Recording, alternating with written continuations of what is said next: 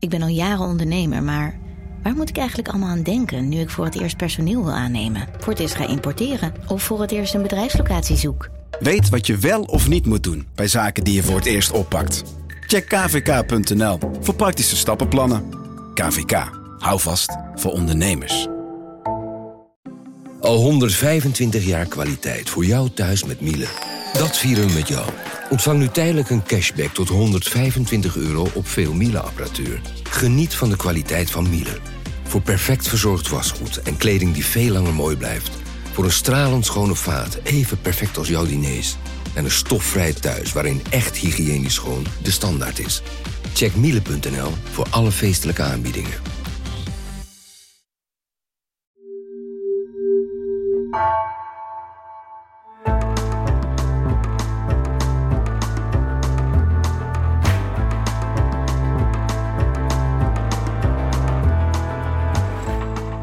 Welkom bij het uur. Sinds mijn gast dit uur als student een keer aan de hand van een chirurg een levensstel hersenen zag, open en bloot, geen grijze massa, eerder roze, werd een levenslange fascinatie aangewakkerd. Een flink oeuvre verder schreef Iris Sommer over stoornissen, stemmingen, over voedsel en over alles voor een goed brein. Over het verband tussen darmen en hoofd, hoe bacteriën invloed op je hersenen hebben. Dat is een nauwelijks ontgonnen gebied waar heel veel te ontdekken valt. Welkom bij het uur met Iris Sommer.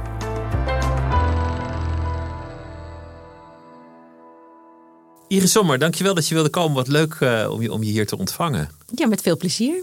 Ja, je bent wel productief. Je, je hebt zoveel boeken geschreven, allemaal iets met hersenen, maar heel uiteenlopende onderwerpen. En daarnaast nog gewoon je wetenschappelijke werk natuurlijk. En, en je ziet ook patiënten. Dus ik, ik vraag me bijna af waar je de tijd vandaan haalt. Nou, um, schrijven is, is, is ook gewoon een hobby. Dus dat doe ik met plezier in mijn vrije tijd. En dat voelt ook niet als, als een opgave. Uh, er zit ook geen deadlines achter. Dus dat is uh, geheel vrijblijvend. En uh, nou ja, graag gedaan. En mijn werk is natuurlijk, doe ik eigenlijk ook met behoorlijk veel plezier. Um, dat, is, dat zijn best veel uren, dat klopt. Ik maak denk ik redelijk lange dagen, ja. Maar dan heb je op, op zaterdag of zondag nog zin om nog weer een keer met die hersenen bezig te zijn. Dus die fascinatie die, die, is, die is onuitputtelijk. Ja, en ik heb ook plezier aan het schrijven. Ik ben niet super creatief, geef mij muziekinstrument en het wordt geheid niks.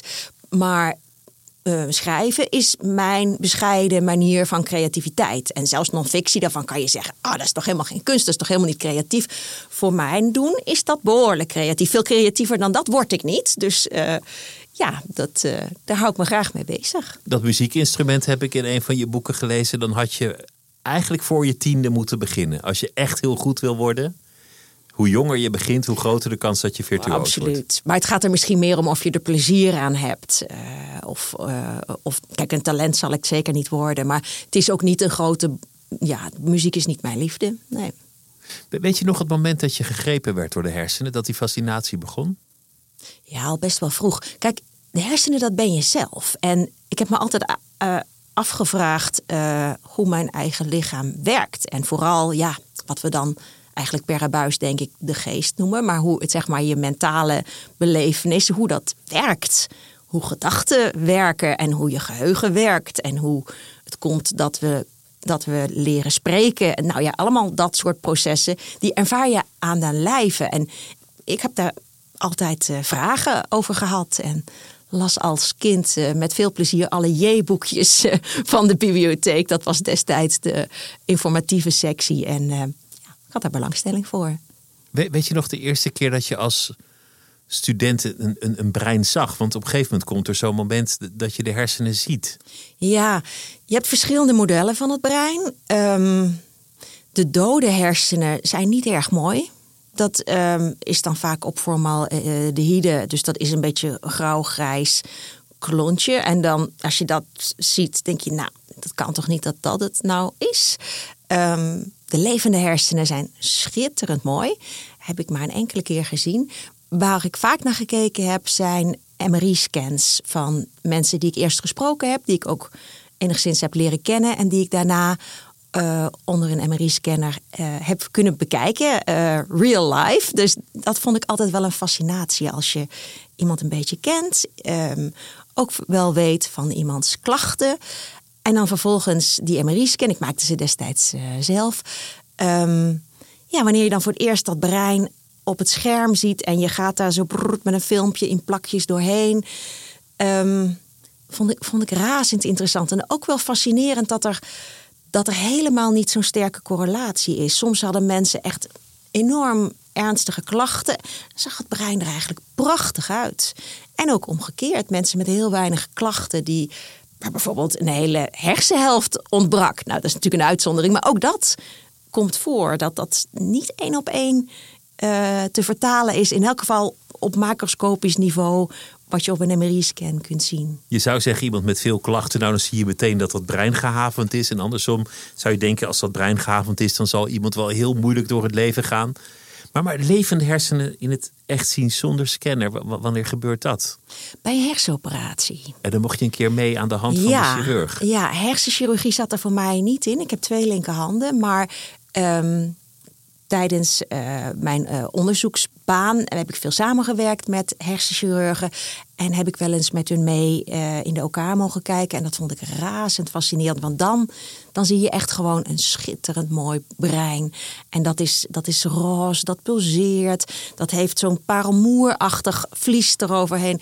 Dat is echt van een schoonheid. En daar is in het dode brein uh, nadat het uit het lichaam is gehaald, niets meer van over. Dat heb ik wel eens in mijn, in mijn handen gekregen in de hersenbank. Ja, ja. Daar mocht ik een keer mee en dan kreeg ik iemands brein, postuum in handen. Ja. Ja, het, het is natuurlijk een, een, gekke gedachte, maar het, ja, het, verder is het ook niet zoveel nee, meer. een wit-grijs klompje. Ik denk dat je dan beter bijvoorbeeld... Uh, koeienhersenen bij de slager kunt halen.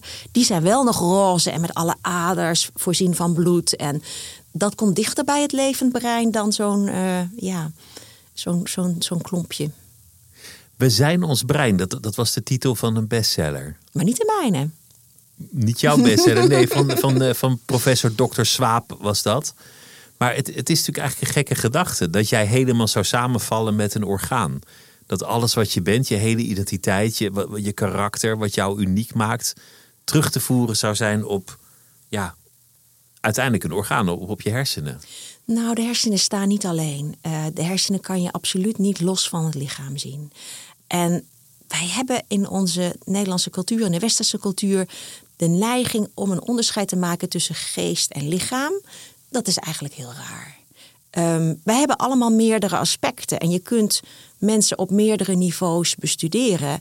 En dat kan op sociologisch niveau, dat kan op psychologisch niveau, dat kan op biologisch niveau.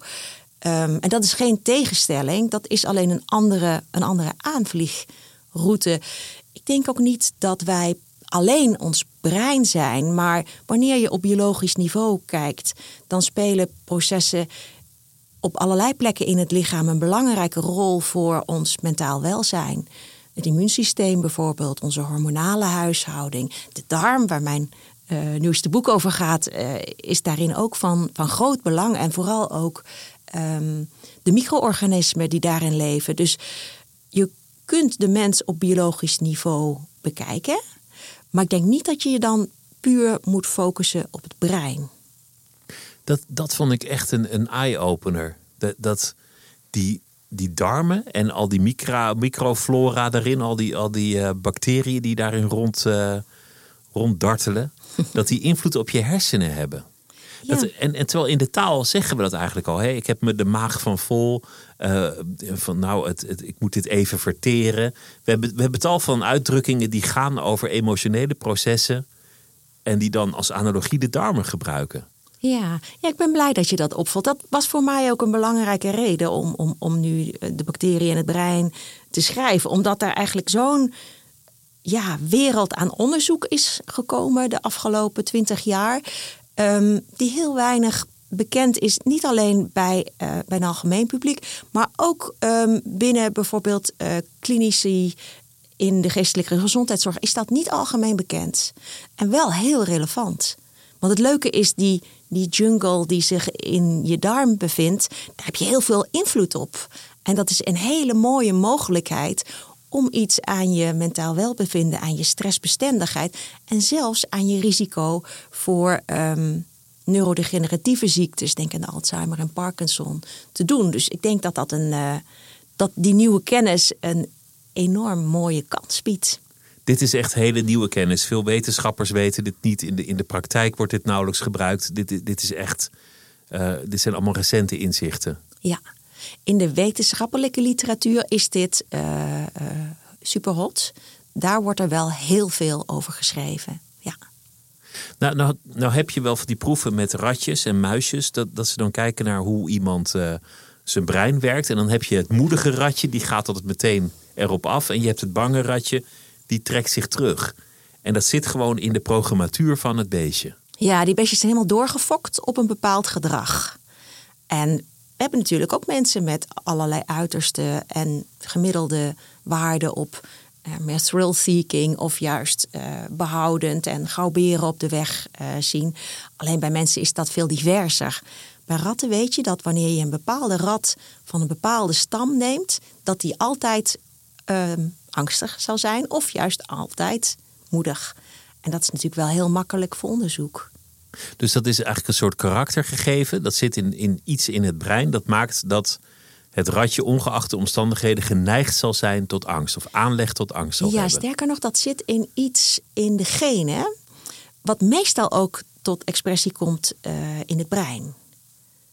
Dus genetisch bepaald ja. of, je, of je bang bent. Je karakter ja. is al een beetje vastgelegd. Ja, en dat is ook niet zo gek. Want we weten toch ook wel dat mensen die die neiging hebben om heel introvert teruggetrokken te zijn, dat zij dat ook deels doorgeven aan hun kinderen. Ik bedoel, niet één op één, maar um, het is toch wel vaak dat een bepaalde aanleg, hetzelfde geldt juist voor heel extrovert, thrill-seeking mensen, dat dat wel enigszins um, familiair bepaald is.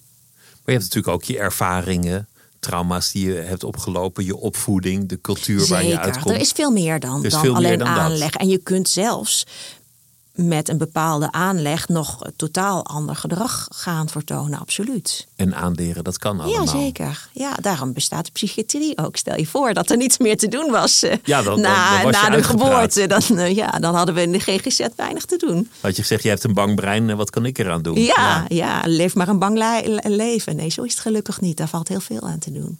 Ja. Maar je zegt, het zit in de genen. Het komt tot uiting in het brein. En dat maakt die aanleg tot angst, uh, aanleg tot, tot roekeloosheid. Dat is de andere kant ervan. Of, of al die aanleggen, ja. die, die zitten daar. Ja, wij spreken meestal van persoonlijkheid. Um, van een aantal persoonlijkheidskenmerken. Roekeloosheid of juist teruggetrokkenheid is daar één van. De neiging om zorgelijk te zijn. Neuroticisme is een belangrijke. Maar ook dingen als vriendelijkheid, nauwgezetheid. Um, dat is iemands persoonlijkheid, wat een ja, redelijk continu manier is van reageren op anderen en op bepaalde situaties. Daar valt wel nog wat aan te doen als je dat zou willen. Maar dat is best hard werken als je je persoonlijkheidskenmerken wilt veranderen. Als je bijvoorbeeld meer vriendelijk wil worden, ja, terwijl dat niet je aard is. Hoe werkt dat, vriendelijkheid? Hoe definieer je dat? Nou, er is wel degelijk een bepaalde tendens voor mensen om dat in meer of mindere mate te hebben. Dus de omgekeerde, het omgekeerde van vriendelijkheid, wat eigenlijk op hetzelfde neerkomt, is conflictmijdend. Dus, dus uh, nee, ik zeg niet goed. Uh, je kunt vriendelijkheid ook definiëren als conflictmijdendheid. Terwijl, en dat is wel iets, sommige mensen hebben veel moeite met het hanteren van conflicten. Andere mensen helemaal niet. En hebben daar ook weinig, weinig spanning of, of stress van. En dat heeft ook te maken met hoe, hoe vriendelijk je geneigd bent in bepaalde situaties te zijn. Of je be bereid bent andermans problemen op te lossen of geneigd bent andermans uh, problemen ook. weg te nemen. Uh, dat ook. En in hoeverre je bereid bent om je eigen belang uh, secundair te maken aan dat van anderen. Hè, een vorm van altruïsme. Ja, dat zijn allemaal eigenschappen die zijn niet alleen maar erfelijk. Zeker niet hoor. Dat heeft ook veel met opvoeding te maken. Met wat je op je pad gekruist hebt. hoe je opgeleid bent, hoe je je ontwikkeld hebt. Maar daar is ook een zekere inborst. Spiegelneuronen worden vaak genoemd. Dat als iemand gaapt die jij aardig vindt, dan moet jij ook gapen. Ja, absoluut. Of ja. je ziet iemand anders pijn lijden en dan voel je in je brein toch iets van die pijn. Ja, empathie is iets um, wat, uh, waar mensen aanleg voor hebben, maar wat je wel moet leren. En wat kinderen niet op alle leeftijd altijd kunnen. En er is ook een individueel verschil wanneer kinderen leren om empathisch te zijn. Wanneer zij zich realiseren dat als je een klasgenoot pest, dat dat pijnlijk is voor diegene. Dat ze die pijn mee kunnen voelen. En ik denk dat pesten daarom ook juist bij jonge kinderen heel, ja, heel veel voorkomt. Omdat kinderen het ook nog niet altijd kunnen meevoelen. Er zijn niet zoveel kinderen die echt hardvochtig zijn en echt willen zijn wetens de ander willen pijn doen. Die zijn er wel, maar die zijn gelukkig zeldzaam. Maar er zijn denk ik veel meer kinderen die zich op die leeftijd nog niet realiseren hoe ontzettend naar het is uh, om gepest te worden. Um, terwijl wij daar in de psychiatrie op volwassen leeftijd nog, nog vaak de littekens van zien. Maar die kinderen moeten het nog leren. Die moeten de empathie ja, nog leren. Dat het brein moet zich ook nog ontwikkelen om dat te kunnen. Dan, dan heb je dus die aanleg tot een bepaald gedrag. Een, een inborst die bang is, of juist roekeloos, of iemand die vriendelijk is, of, of juist wat minder. Uh, iemand die neurotisch is, of, of juist wat minder. Dat zou je dan kunnen zien als de vorm van het brein. Maar er is veel meer aan de hand dan dat. Dat, ja. dat vond ik zo interessant. Ja, um, wat ik ontzettend leuk vind aan de huidige onderzoeksresultaten is dat de inwoners van je darm daar waarschijnlijk ook invloed op hebben. En dat was iets wat, uh, uh, ja, wat we echt een tijd geleden niet wisten. Um, bijvoorbeeld je stressgevoeligheid. Uh, we staan allemaal wel bloot aan stress. Sommige mensen hebben daar veel last van, hebben daar spanningsklachten van worden op een gegeven moment ook mijdend, andere mensen mijdend, blijven, blijven thuis, kunnen geen plezier meer beleven en gaan richting burn-out, depressie, angststoornis. Andere mensen die aan dezelfde stress blootstaan, kunnen daar veel makkelijker mee omgaan. Ervaren dat misschien ook als, als stressvol, laten we zeggen een conflict situatie op het werk, maar raken daar niet burn-out van en raken daar niet hun plezier in andere dingen van kwijt. Um, het zou goed kunnen, in elk geval in proefdieronderzoek is gebleken, dat bepaalde darmbewoners daar invloed op hebben. En dat bepaalde darmbewoners, daar hebben het nu over de melkzuurbacteriën, die wij al vele eeuwen gebruiken voor het bereiden van voedsel, uh, in elk geval dieren stressweerbaarder kunnen maken. Er is ook wel enig onderzoek gedaan met mensen. Dat zijn twee Japanse studies die medische studenten een drankje met veel melkzuurbacteriën hebben gegeven. En de helft van die studenten een identiek drankje waar helemaal verder niets uh, in zat. Die studenten hebben hun tentamenperiode gemaakt. En achteraf bleek dat de studenten die veel van die melkzuurbacteriën hebben gekregen, veel minder stressgerelateerde klachten hadden. Minder buikpijn, minder slaapproblemen. Ik ben heel benieuwd of hun examens ook beter uh, gingen. Dat weet ik niet. Dat stond niet in de, in de studies. Maar in elk geval twee studies die daarvan een positief resultaat lieten zien. En ook in een groep die denk ik heel relevant is, namelijk jongvolwassenen. Want dat is juist een groep waar je op dit moment veel uh, stressgerelateerde klachten ziet. En stel dat we iets kunnen doen iets eenvoudigs, uh, iets niet stigmatiserends, iets zonder enorme bijwerkingen voor deze groep jonge volwassenen dat hun stressbestendigheid beter maakt, nou dan is dat denk ik zeer de moeite waard. Ik, ik zie het meteen voor me dat je dan een of andere drinkyoghurt krijgt en dan neem je daar ochtends een, een, een paar slokken van en dan ben je van je stress genezen. Ja, um, ik maak het waarschijnlijk veel te makkelijk. Maar... Nou, zo was die studie wel. Dat was inderdaad een probiotische interventie. Hoe ik het zelf graag zou zien, is om um, echt de hele voeding onder handen te nemen ik zou het fantastisch vinden om juist jongeren die, uh, die stress ervaren. Uh, bijvoorbeeld studenten die uh, examenstress hebben, maar ook jongeren die um, hun eerste relatie die op de klippen loopt. Dat is ook vaak een enorme bron van stress. Wanneer die echt goed voor zichzelf zorgen door middel van gezond eten. Dat heeft twee effecten. Enerzijds het biologische effect, dat je daarmee je microbiome, je darmflora versterkt. Wat via die weg van die melkzuurbacteriën iets kan doen aan je stressweerbaarheid. Anderzijds heeft dat ook het effect dat je gewoon goed voor jezelf zorgt. Wanneer je goed voor jezelf kookt of goed voor jezelf laat koken, dat uh, is natuurlijk ook een mogelijkheid.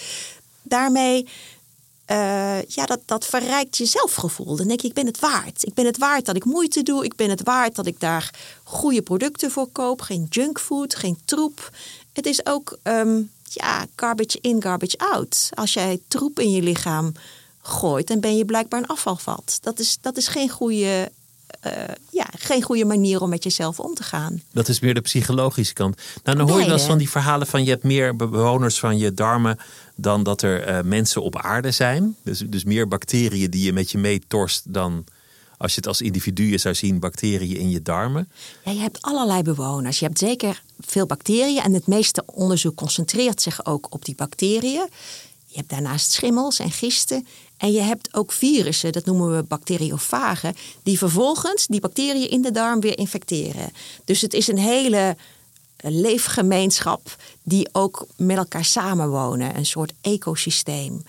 Um, vandaar ook dat een probiotische interventie, een een of een aantal bacteriën geven. Nou, het is heel leuk om te zien dat dat in elk geval met die Japanse studenten al effect had. Maar ik denk dat je nog effectiever kunt zijn door zo'n heel ecosysteem te transplanteren. En ook dat gebeurt middels poeptransplantaties. Ja, dat klinkt, dat klinkt meteen een beetje smerig. Maar, maar hoe, nou, we hebben... hoe werkt dat, een, een poeptransplantatie? Ja, ehm, dat kan ofwel via de anus ofwel via de mond. En dat gaat in keurige capsules. Eerst ging dat met een buisje, maar inmiddels uh, kan dat uh, met uh, capsules. En daarin geef je een stuk ja, ecosysteem van de darm van een gezonde donor over aan iemand die dat ontvangt en wiens darmflora daar baat bij kan hebben. We komen er steeds meer achter dat het waarschijnlijk goed is om dat te matchen. Want bijvoorbeeld uh, de bloedgroep van iemand maakt uit welke bacteriën je het beste kunt verdragen in je darm. Dus mogelijk dat nou, een, een, iemand van dezelfde bloedgroep in eerste instantie een goede donor is. Maar die kennis neemt toe. Dus wellicht leren we daar nog veel meer hoe je dat het beste kan matchen.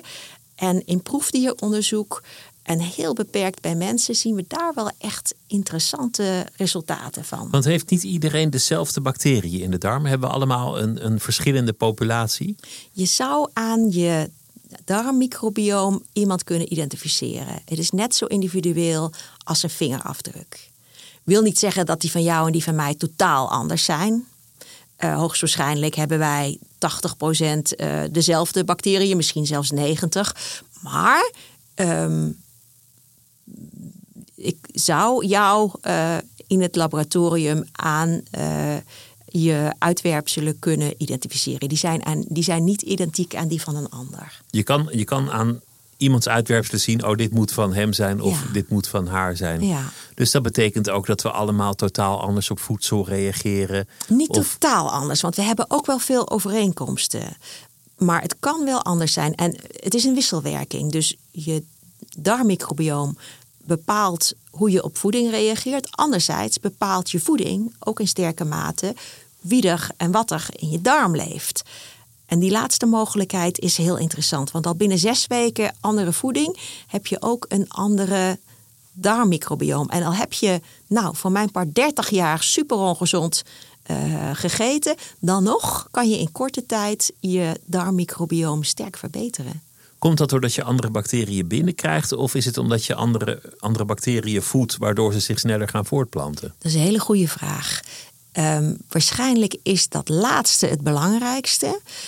Maar we denken dat je met gefermenteerde voeding ook echt extra bacteriën kunt binnenkrijgen. Dus denk aan yoghurt, kaas, kimchi. Zuurkool misschien als je het niet eerst kookt. dat zijn wel allemaal producten, ook wijn en bier, waar veel van die melkzuurbacteriën uh, in zitten. Um, hoeveel van die bacteriën echt levend aan komen. Dat wisselt een beetje per product en per bereiding. Maar dan nog um, de, uh, de, de fermentatieproducten die je daarmee ook binnenkrijgt, die zullen de bacteriën van die soort die je al in je darm hebt verrijken. Maar de, de alcohol in geval van bier en wijn heeft juist weer de neiging bacteriën te doden. Zo is dat. Helaas. Zo is dat. Het was bijna goed nieuws, maar ja, net ja. niet. Ik denk dat het alcoholvrije bier wel een hele leuke verrijker kan zijn. Koffie blijkt ook wel gunstig ehm, voor het darmmicrobioom. Althans, koffiedrinkers hebben een iets wat rijker darmmicrobioom. Maar hoe werkt het dat die bacteriën invloed uitoefenen op het brein? Kijk, een, een ander aspect waar je veel over leest is dat de een kan zoveel eten als die wil, die wordt niet dik. En de ander die, die, die wordt heel makkelijk te dik. En dat schijnt te maken te hebben met die andere samenstelling van, van de darmflora. D- daar lees je best wel veel over. Klopt. Ja, Maar, maar die invloed op het brein, dat was voor mij best wel nieuw. ja. Hoe Nou, werkt dat? Er zijn een heleboel routes. Eén is dat boodschapperstoffen, dus neurotransmitters, die ehm, in het zenuwstelsel eh, van de darm werken, maar ook in de hersenen, die worden gemaakt uit aminozuren. En aminozuren, dat zijn de bouwstenen van eiwitten. En die eiwitten, die krijg je via voeding binnen. Dus in het maag-darmkanaal worden die eiwitten tot aminozuren afgebroken. En vervolgens zijn allerlei bacteriën aanwezig die die aminozuren omzetten. Dus een bacterie dat is een soort mini-chemisch fabriekje die één stof omzet in de andere. Ehm, en bijvoorbeeld het eh, aminozuur eh, tryptofaan wordt in de darm omgezet in serotonine. En die stof is belangrijk in de hersenen, heeft met stemming te maken, maar ook in de darm, want die verzorgt in de darm de motoriek. Dus eh, schommelingen in dat serotonine, afwijkingen daarin kunnen zowel stemmingsklachten veroorzaken, maar kunnen ook eh, de darmmotoriek verstoren. En dat zie je ook vaak samen optreden. Mensen met een depressie eh, hebben vaak ook buikpijn, last van de darmen, prikkelbare darm bijvoorbeeld, of, eh, of diarree. Anderzijds zie je in het ziekenhuis veel mensen met ernstig darmlijden, bijvoorbeeld bij de ziekte van Crohn, ehm, waarbij ook depressie een grote risicofactor is. Dus daar is een verband. Serotonine wordt ook wel eens het gelukshormoon genoemd. Mhm. De- de- het, goede gevoel komt van serotonine. Ja, het is, het is best wel lastig, want ehm, we hebben, we- serotonine wordt wel in verband gebracht met de stemming, maar het is niet zo van hoe hoger, hoe beter. Ehm, en daar is ook nooit echt een lineaire relatie tussen gevonden. Alleen veel eh, antidepressiva werken via serotonine. Die zorgen dat er meer serotonine beschikbaar wordt. En die zijn wel degelijk effectief. Dus ergens hangt serotonine met stemming samen, maar het is jammer genoeg niet hoe meer, hoe beter. En hoe dat precies werkt, dat is niet zo goed bekend. Maar het, het gaat er dus over dat, dat de, de bacteriën in de darm... die worden gevoed door wat je eet. En die bacteriën hebben invloed op de materie in de hersenen. De, de stofjes die daar rondgaan. Die bijvoorbeeld invloed kunnen hebben op stemming...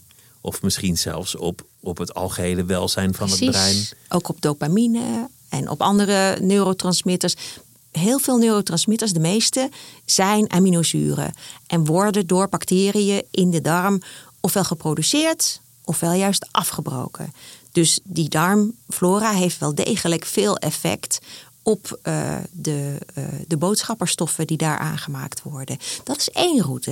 Er zijn nog andere manieren waarop je darmflora invloed heeft op, op de hersenen en op je mentaal welzijn. Bijvoorbeeld wanneer je gezond eet, dat wil zeggen weinig vlees, veel vezels, dus veel groente, fruit, ehm, volkorenproducten, dan worden de bacteriën, vooral in je dikke darm, worden lekker gevoed.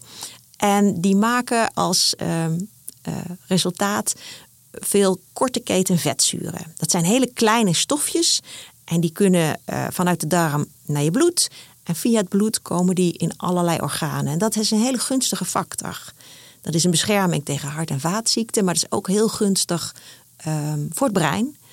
Dus een eh, gezond eetpatroon is goed voor je darmflora en vervolgens ook goed voor allerlei organen. En daar zien we ook een verband met je prettig voelen, je wel voelen.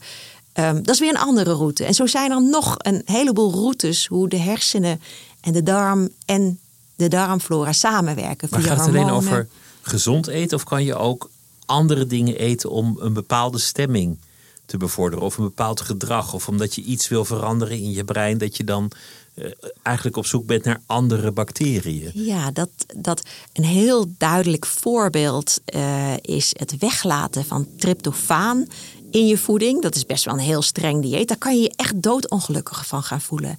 Tryptofaan is de voorloper van serotonine. En wanneer je dat echt uit de voeding weghaalt, een super streng dieet, daar is vroeger wel onderzoek naar gedaan, dan ga je je echt vervelend voelen. En dat soort onderzoek wordt nu vaak ook niet meer goedgekeurd, omdat het zo naar is. Uh, en waar vind je tryptofaan in de voeding? In heel veel uh, producten uh, zit dat. Dus in een normaal dieet krijg je dat vanzelf meer dan genoeg binnen. En het heeft ook geen zin om daar extra veel van te gaan eten, want genoeg is genoeg. Jammer, want dan had je je inderdaad vrolijk kunnen eten. Um, we hebben het nu veel over de biologische aspecten. De psychologische aspecten zijn ook belangrijk. Wanneer je eet waar je uh, lichaam behoefte aan heeft en waar je je gezondheid mee verbetert, dan geeft je dat ook een goed gevoel. En je kent misschien het omgekeerde wel als je de snelle hap, wat op dat moment even lekker ruikt op het perron, uh, gauw uh, een frietje oorlog of uh, nog erger, een frikandel speciaal.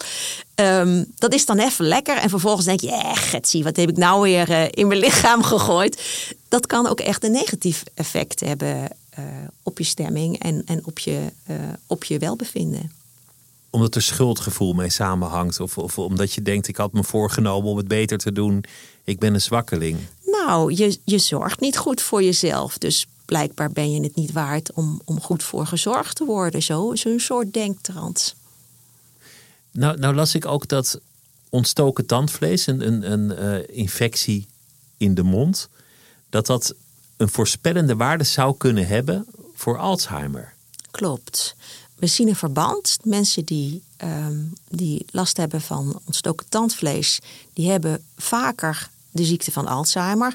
En ik heb nooit zo heel veel stilgestaan bij die studies. Want ik dacht, ja, de, als je vergeetachtig bent, dan vergeet je de tanden stokeren en dan laat je die tandenborstel regelmatig staan. Dus ja, wie dus dat, uh, dat daar vaker uh, tandvleesontsteking bij voorkomt. Maar het zou toch ook de andere kant op kunnen zijn. Um, want na de dood bij mensen die de ziekte van Alzheimer hadden, is ook die um, tandvleesbacterie uh, teruggevonden in de hersenen van de ziekte van Alzheimer. Dus op een of andere manier weet hij het brein te bereiken. En uh, de typische pathologie bij de ziekte van Alzheimer is het afgeven van een bepaald eiwit, beta-amyloïd, dat uh, de hersenen uh, hersencellen maken en dat tussen de hersencellen blijft slingeren. En wat heel ongezond is voor de hersenen. Dat doen die hersencellen niet voor niks. Dat doen die cellen om zich te verweren tegen bacteriën. Salmonella-bacterie bijvoorbeeld, daarvan weten we dat die het brein kan binnendringen bij een infectie. Wanneer je een salmonella-infectie van de hersenen krijgt, dan zie je dat die zenuwcellen in de hersenen dat beta-amyloïd, dat typische Alzheimer-eiwit, gaan produceren. En dat is ook daadwerkelijk uh, schadelijk voor die salmonella-bacteriën. Maar het is ook schadelijk voor je brein zelf. Dus wat mogelijk bijdraagt aan het ontstaan van de ziekte van Alzheimer, is dat er bacteriën in je brein komen die daar niet gewenst zijn. Dat de hersenen zich verdedigen door dat beta-amyloïd te maken, wat vervolgens je kans op de ziekte van Alzheimer verhoogt. Dus, dus samenvattend, als, als je iets wil doen voor een gezond brein, uh, veel plantaardig eten, uh, dingen met een schilletje. Hè? De, de, de, schil van de vruchten of pulvruchten, bonen, linzen, erten, dat soort dingen. Gefermenteerd voedsel, dat is goed. Kimchi, uh, dat soort dingen. Nou ja, over, over rode wijn, dat, dat hangt een beetje in het midden. Heeft voordelen, maar toch ook zeker nadelen. Dat, Klopt, dat is allebei een, een beetje ja, waar. Dat is een uitstekende samenvatting, ja.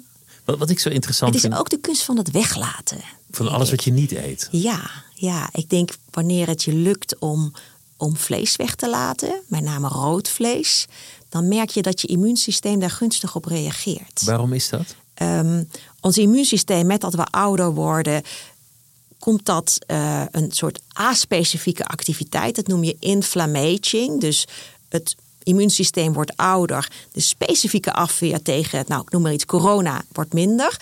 Maar de algemene afweer tegen niets in het bijzonder wordt hoger. En dat is schadelijk voor je organen, ook voor de hersenen.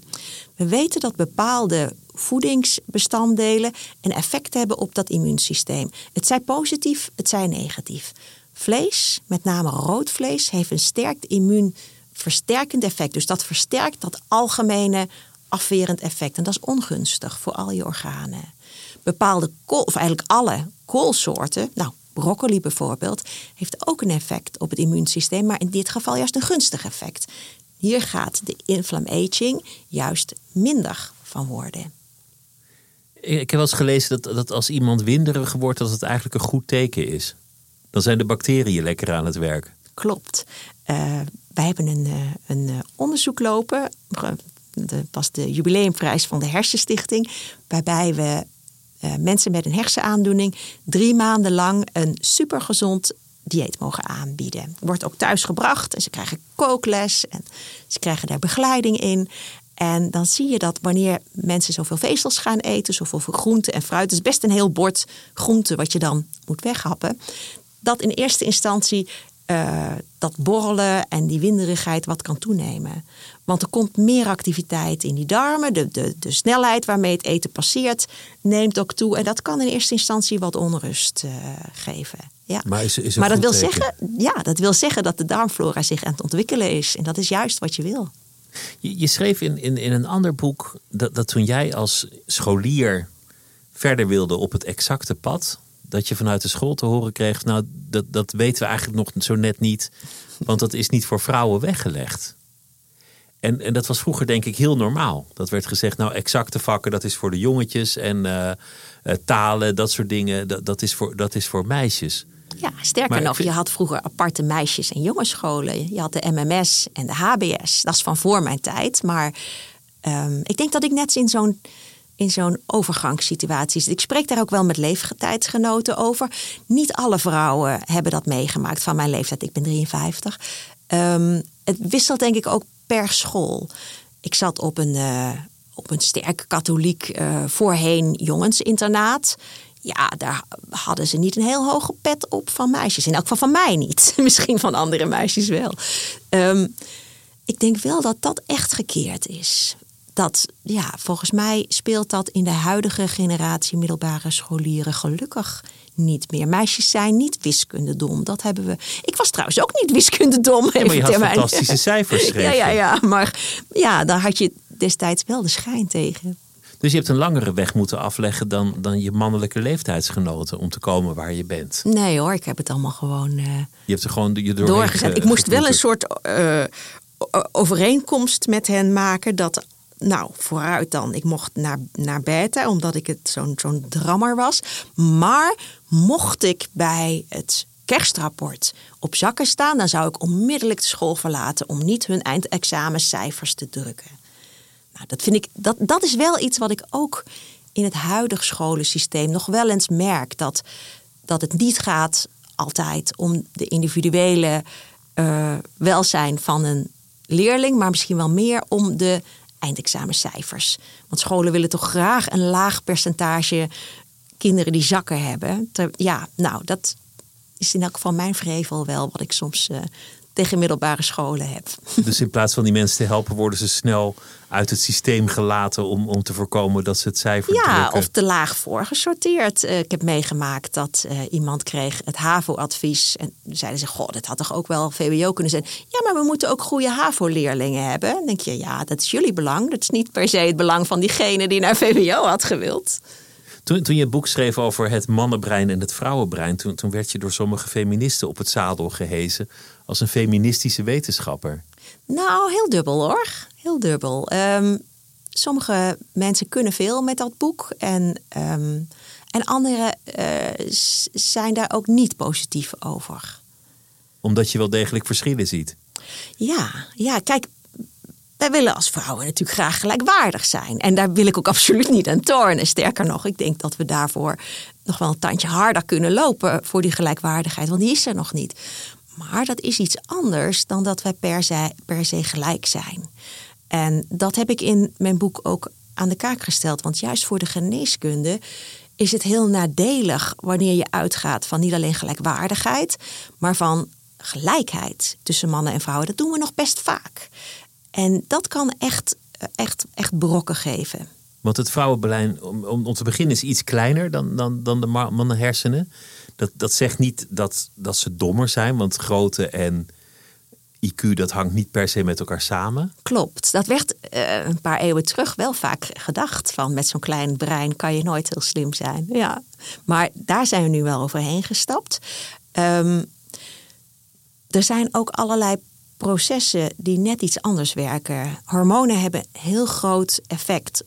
Vrouwelijk hormoon oestrogeen, doe ik onderzoek naar, werkt op alle organen van het lichaam. Ik zei vroeger heel bescheiden op vrijwel alle. Ik kan wel zeggen op alle, want er ja, is er niet één waar dat geen effect heeft. Ehm, en zeker ook op de hersenen. En dat is relevant. Um, daarnaast ook bijvoorbeeld op de lever, die een belangrijke rol speelt in het metaboliseren, het omzetten van medicijnen. Wanneer we geen rekening houden met die typisch vrouwelijke aspecten, dan doen we vrouwelijk patiënten tekort. Waar zit hem de essentie van het verschil? Want, want die hormonen hebben een invloed, de grootte heeft een invloed. Er zijn natuurlijk ook een paar functies die het mannenbrein niet nodig heeft. Uh, met betrekking tot, ik noem maar wat, borstvoeding. Of, of uh, geboorte geven. Dat, dat, dat, dat zal een man nooit hoeven doen. Dus dat heeft ook waarschijnlijk uh, dat, dat het brein dan ook anders is. Klopt, maar toch die typisch seksuele functies, daarvan zou je verwachten dat dat.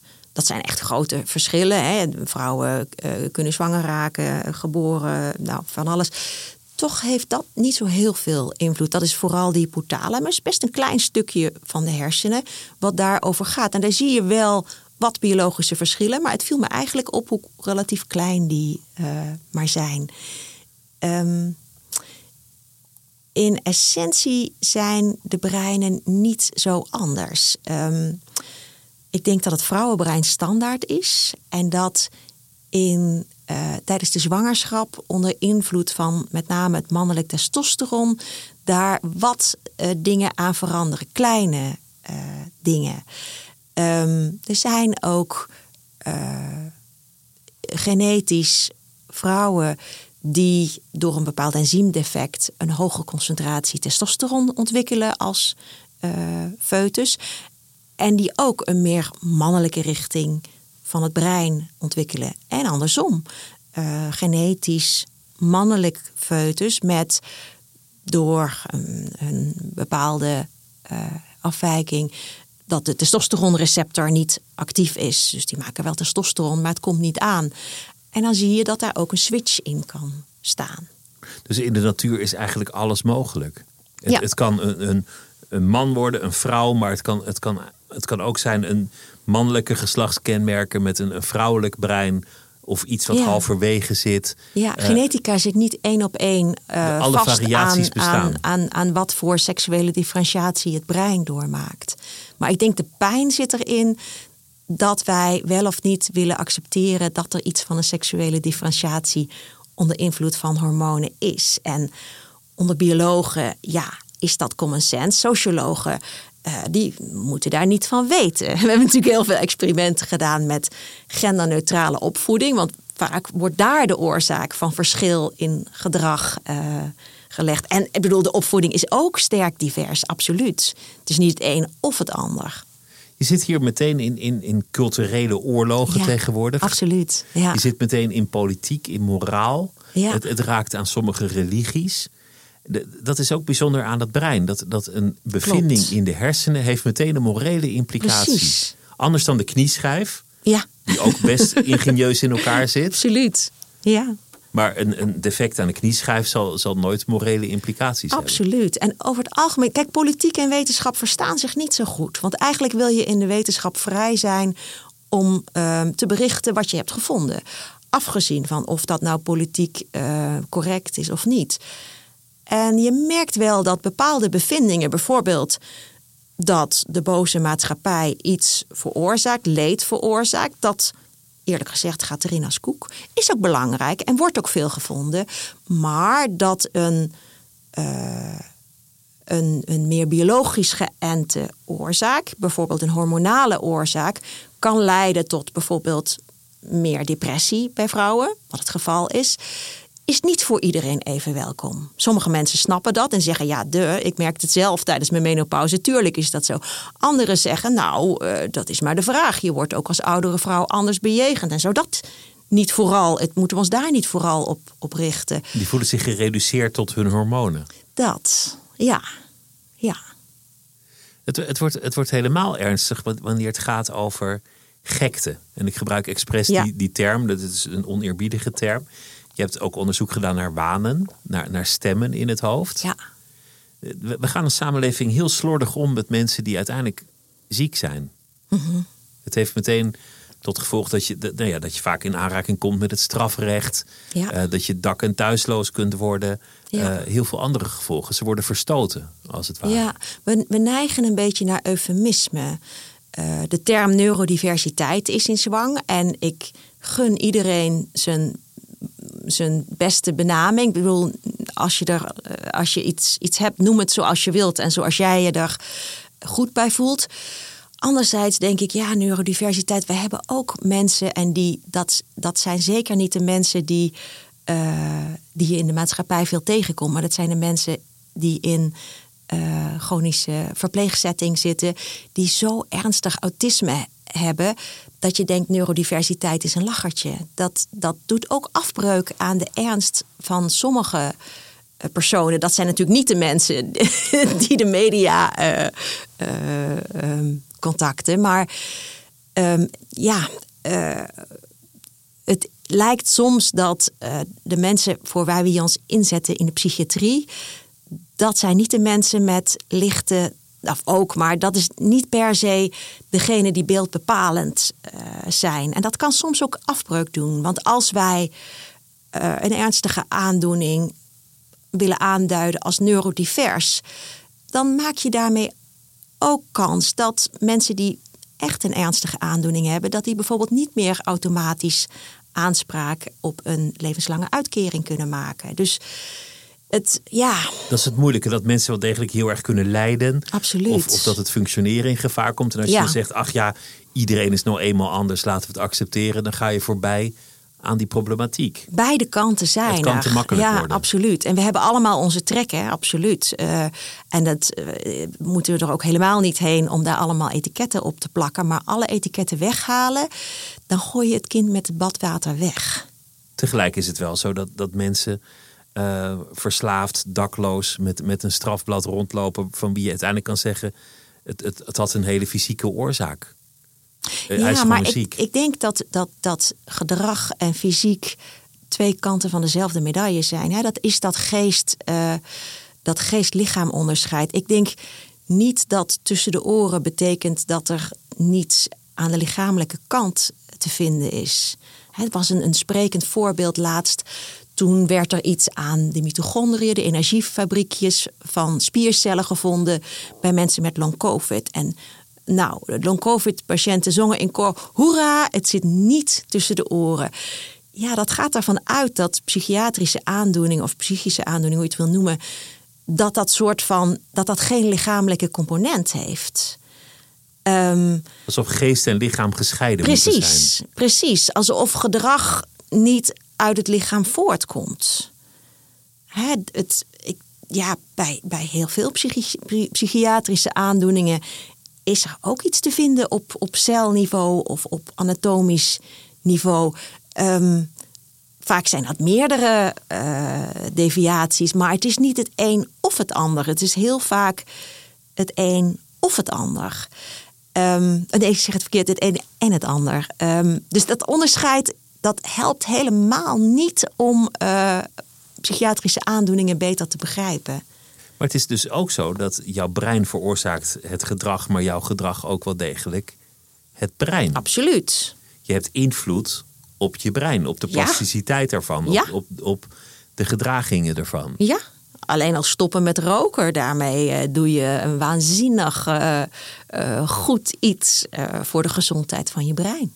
Dus het is, niet, het is niet een soort vonnis bij geboorte. Gelukkig niet. Gelukkig niet. Het is niet zo van, nou, je hebt nou eenmaal dat brein en nu ben je veroordeeld tot dat gedrag en dit wordt je leven.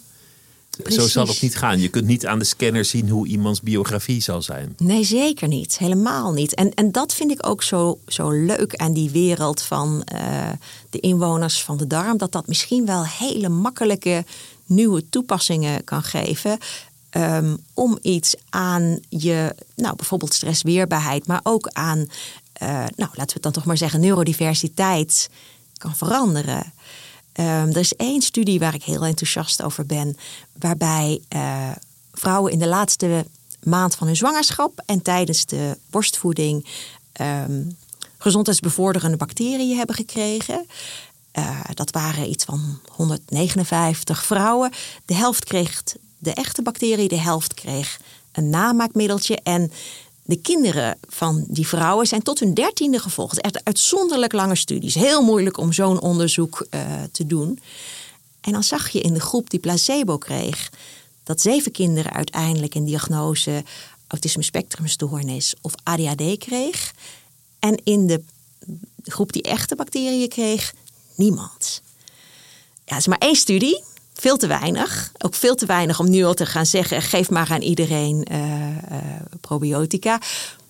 Maar stel dat dit zo is, stel dat we dit nogmaals en nogmaals en nogmaals kunnen aantonen, wat niet eenvoudig is, want het is moeilijk onderzoek, ja, dan is dat wel waar je naartoe wilt. Want dit is preventief. He, dit is niet proberen mensen met een bepaalde aanleg zo goed mogelijk uh, daarmee te laten leven. Maar dit is echt het voorkomen van een bepaalde aanleg waar kinderen en volwassenen toch wel degelijk heel veel last van kunnen hebben. Wat zijn dan uiteindelijk de adviezen om je brein gezond te houden? Ik, ik heb het idee dat je best wel een beetje kan raden met gezond verstand. Precies. uh, voldoende bewegen, drink water, zorg dat je een beetje je slaap krijgt, uh, eet plantjes twee keer per dag fruit. Ja, nou ja, dat wisten we al, toch? De, Goed slapen. Van vijf, de, ja, hè? ja. Die hele karaoke, die zou je hierop los kunnen laten. Ja, um, voor de psychiatrie um, is een hele belangrijke... Uh, dat je, je je jeugd goed doorkomt. Jammer genoeg is psychisch trauma een enorme factor van belang. En dat is niet iets wat zo makkelijk preventief uh, te voorkomen is. Daar wordt gelukkig wel veel op ingezet en dat is heel belangrijk ook. Daarnaast denk ik dat wat ik met de bacterie en het brein hoop te benadrukken, dat er misschien ook winst te halen is in de allereerste jaar uh, van het leven. Door te zorgen dat die ontwikkeling van de darmflora heel goed op gang komt. En um, dat begint al met de geboorte vaginale geboorte zorgt dat die baby goed in contact komt met allemaal bacteriën die er in de vagina van de moeder uh, wonen. En dat zijn op dat moment vooral melkzuurbacteriën. Dus dat is precies wat dat kind op dat moment nodig heeft. Door borstvoeding te krijgen. En uh, ik weet dat veel vrouwen ook wel gefrustreerd zijn omdat borstvoeding soms niet altijd lukt. De flesvoedingproducenten zijn gelukkig heel hard bezig om die borstvoeding zo goed mogelijk te evenaren. En door, um, ja, als het enigszins kan, antibiotica te mijden. Daar zijn de Nederlandse artsen heel goed in. Hier wordt echt niet meer antibiotica voorgeschreven dan noodzakelijk. Maar in de veeteelt wordt wel heel veel antibiotica gewoon preventief ingezet. Dus vandaar dat dat vlees ook nog een andere reden waarom dat echt niet gunstig is. Want jij krijgt die antibiotica via vlees of vis ja. binnen. Ja, en, en die komt ons hele ecosysteem binnen, weet je. Via pesticiden, maar ook via de antibiotica van de veeteelt. Er is een kringloop tussen de bodem, je lichaam, voeding, uh, grondwater... waarin al of niet die bacteriën voorkomen. Uh, dus met wat we met ons milieu buiten ons uh, doen beïnvloeden we ook onze interne darmflora. Maar ik denk dat we als psychiatrie nog heel veel winst kunnen halen, juist in dat eerste jaar. En dat is niet een fase waar we ons op dit moment veel mee bemoeien. Maar ik denk dat dat wel heel erg uh, zinnig zou zijn om daar meer naar te kijken en dat daar mogelijk nog winst te halen valt. Want dat is het moment dat bepaald wordt wat iemands darmpopulatie wordt. Nou, uh, de hersenen ontwikkelen zich ook heel sterk in dat eerste jaar. En het blijkt dat stoffen uit bacteriën in de darm ook essentieel zijn voor de ontwikkeling van de hersenen. Onze hersenen die hebben een receptor voor een stofje dat we helemaal niet zelf maken in, uh, in, in ons lichaam. Dat is eigenlijk wel vrij bijzonder. Maar bacteriën maken dat stofje wel. En wanneer de darmflora zich ontwikkelt, dan komt dat stofje via het bloed ook in de hersenen terecht en geeft dat een goede prikkel voor verdere ontwikkeling. En dat geeft ook wel aan hoe sterk die evolutie van mensen met bacteriën samenhangt. Wij, wij zijn echt altijd samen geëvolueerd. Borstvoeding maakt stoffen of eh, moeders die borstvoeding geven, die maken stoffen niet alleen voor de, voor, de, voor de baby, maar juist ook voor de bacteriën in de darm. Dus bepaalde suikers in borstvoeding, die zijn speciaal om melkzuurbacteriën te selecteren. En dat is nou ook juist weer die bacterie die heel veel van dat stofje maakt wat de kinderhersenen nodig hebben. Dus er is een hele complexe samenwerking tussen uh, bacteriën in de darm en de ontwikkeling van de hersenen. En naarmate we daar meer van snappen, gaan we ook uh, het belangrijker vinden dat die darmflora zich goed ontwikkelt, juist die eerste maanden al. Fascinerend. Het was me groot genoeg om je hier te ontvangen. Dank je wel dat je langs wilde komen. En ik wens je ontzettend veel succes met uh, nou ja, al die bezigheden uh, van je. Dank je wel. Dank je wel voor je tijd en leuke vragen. En dat was het uur voor deze week. Volgende week is er weer een uur. Het uur wordt gemaakt door Mira Zeehandelaar. Productie en techniek Shanna Geerke en mijn naam is Pieter van der Wielen. Tot volgende week.